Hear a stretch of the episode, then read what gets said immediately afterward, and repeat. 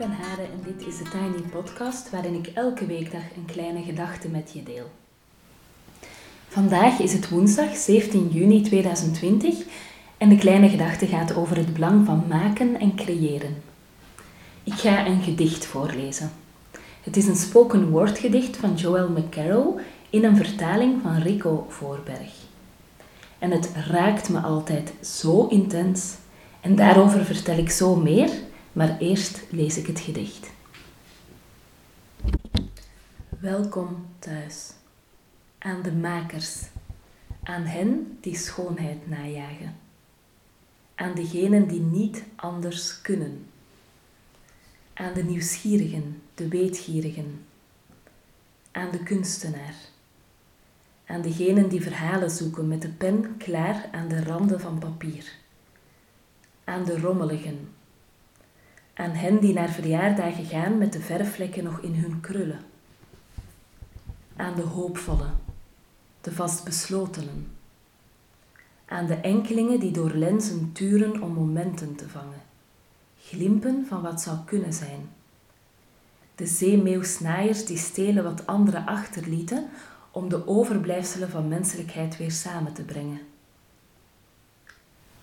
Aan de kunstenaar aan de schrijver die om drie uur s'nachts papier op papier bekrabbelt, elke nacht, tienduizend uur, elke nacht. Aan de zanger met de zere keel, de bebloede vinger van de gitarist, de pianotoetsen afgesleten tot op het ivoren bot. Aan hen die versleten zijn tot op het ivoren bot. Aan de kunstenaar zeggen we: Welkom thuis. Aan de kunstenaar en aan hen die zijn vergeten dat zij er één zijn. Welkom thuis.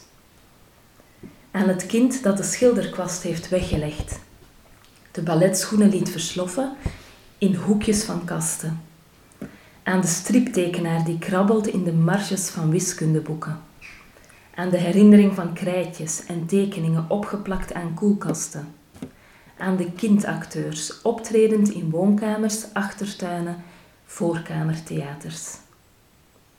Aan de studenten wiens leraren hun eigen fouten bij hen neerlegden, aan de bezwaarde schouders en de kortgewiekte vleugels. Aan hen die het maar nooit meer weer hebben geprobeerd. Aan de kunstenaar en aan hen die zijn vergeten dat ze het zijn. Welkom thuis aan hen die nooit ergens hebben thuisgehoord, de zwarte schapen en vreemde vogels in recht toe, recht aan gezinnen. Aan de onbegrepenen, de gekleurde kwasten in een zwart-witte wereld, aan de eenzamen, aan hen die zien wat er onder het zuchten van de mensheid leeft, aan degenen die kiezen te voelen, ondanks dat dat hen soms verscheurt Voelen wat anderen bang zijn om te voelen. Aan hen die duister kleuren, zodat de duister hen niet kleurt. Aan de verstotenen en de verwaarloosden. Aan de Kurt Cobain-zanger, de Van Gogh-schilder, de Robin Williams-speler en de Sylvia Plath-poëet. Aan de geteisterde ziel, de beblaarde voeten. Aan de kunstenaar, aan diegenen die nooit hebben toebehoord, zeggen we Welkom thuis. Blijf nog even. Doe je schoenen uit. Leg je zwaard af. Er huist hoop in deze muren. Er is een bed om te rusten, moe ziel. Vind rust, welkom thuis. Hier hoef je niet over je schouder te kijken. Hier hoef je niet te vergelijken. Geen meetlat, geen succes, geen falen, alleen creëren Geef nooit op. Klaar met de pratende, pratende hoofden van de criticasters. Criticasters zijn slechte cynici. Begin jij slechts te luisteren naar jij. Kom thuis bij jezelf. Neem de dromen waarvan je ooit dacht dat ze ver buiten je horizon lagen. De simpele vreugde van het hier zijn. De kunst van het creëren zonder de noodzaak van publiek. Schep, maak, kies, omdat het je botten doet bewegen. Schep omdat dit het vuur in je buik doet vonken. Schep omdat je droomt. Schep omdat je ziet. Schep omdat de wereld je nodig heeft. Schep omdat het de zeilen vult. Ga dan en laat vliegers op. Schep, maak, kies. Want dat is wat we doen hier. Schep, omdat dat is wie we zijn hier. Welkom thuis. Welkom thuis. Begin jij slechts te luisteren naar jij, kom thuis bij jezelf. Ik geloof echt dat het maken, het creëren een wezenlijke verbinding is met jezelf. Of je nu schrijft, kookt, knutselt, papercraft of bloemschikt.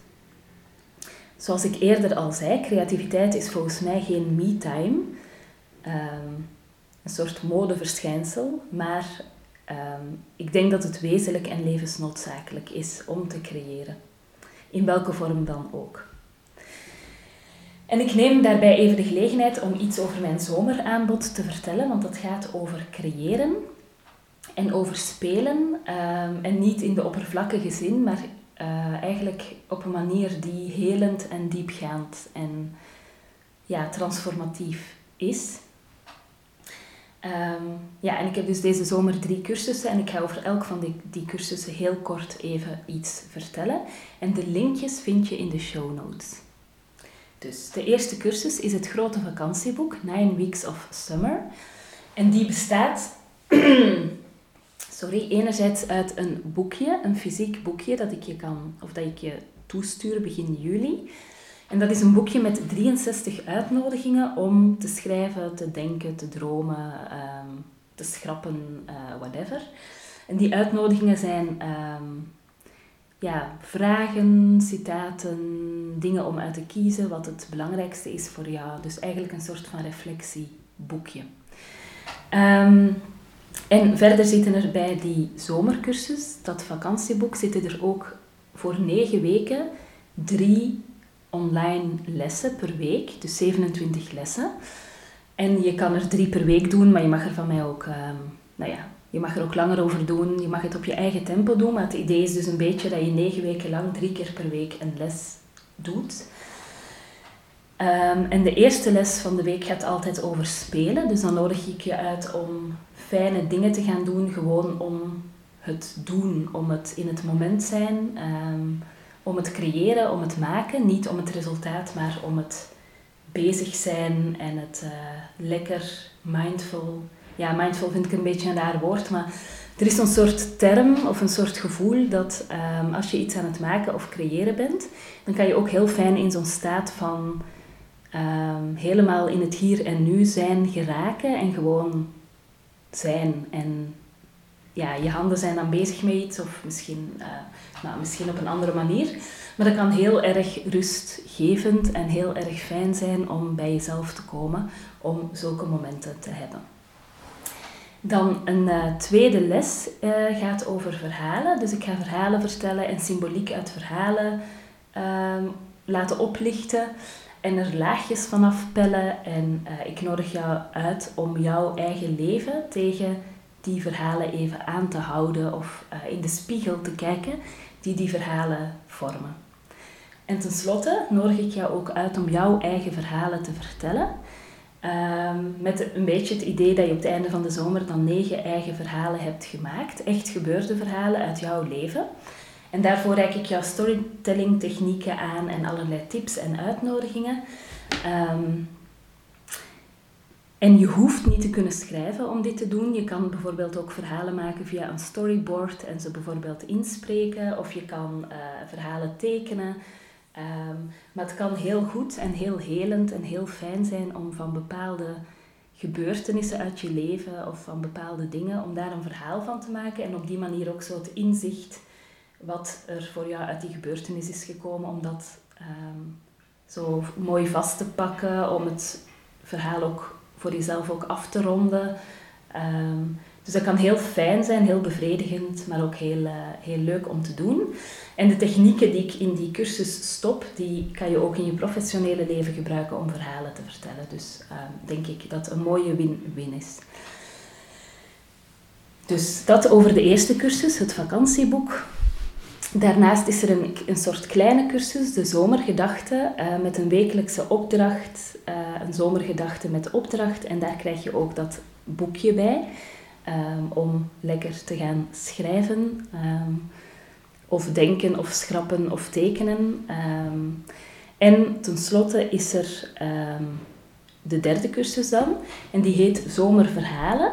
En die is heel erg gericht op het storytelling aspect en die gaat iets verder dan het vakantieboek in um, het jou ondersteunen om je eigen verhalen te gaan maken, zodat je eigenlijk een soort bibliotheek opbouwt van jouw eigen verhalen. Um, die cursus heeft voor negen weken uh, twee lessen per week en je krijgt daar ook weer het uh, fysieke boekje bij opgestuurd.